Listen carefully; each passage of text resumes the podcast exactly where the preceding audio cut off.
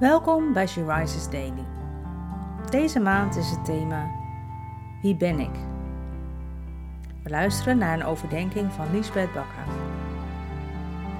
We lezen uit de Bijbel Genesis 2, vers 18, waar staat: De Heer God zei: Het is niet goed dat de mens alleen is. Ik zal een helper voor hem maken die bij hem past.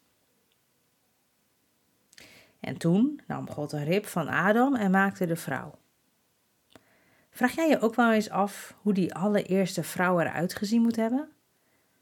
En hoe de reactie van Adam geweest moet zijn? Ik denk in ieder geval niet dat ze blank en slank was, zoals we in sommige kinderbijbels zien. Waarschijnlijk was ze stevig, gespierd, donker en had ze veel haar.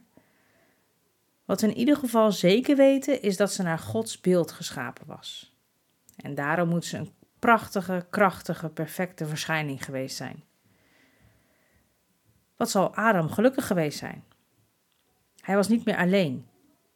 Hij had nu een maatje die naast hem stond, een helper, een ezer. En ezer is het Hebreeuwse woord voor hulp. Ditzelfde woord wordt in de Bijbel gebruikt voor God, die ons te hulp komt, die ons bijstaat. Niet zomaar een hulpje dus, maar een krachtige helper. En wij vrouwen mogen dus onze mannen bijstaan. Niet alleen in het huwelijk, maar ook in de gemeente zijn vrouwen onmisbaar.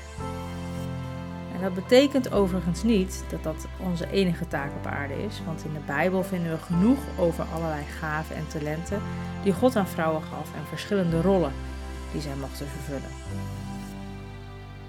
Dus daarom de vraag: wat betekent het voor jou om een ezer te zijn?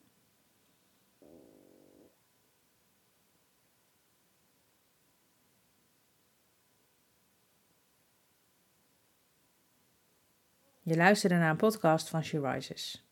She Rises is een platform dat vrouwen wil aanmoedigen en inspireren om in hun christelijke identiteit te staan en van daaruit te delen met de wereld. Wil je onze missie steunen? Dan kan dat door de vindbaarheid van deze dagelijkse podcast te vergroten. Klik op volgen of abonneren op de streamingdienst waar je deze podcast luistert of laat een review achter. Alvast bedankt.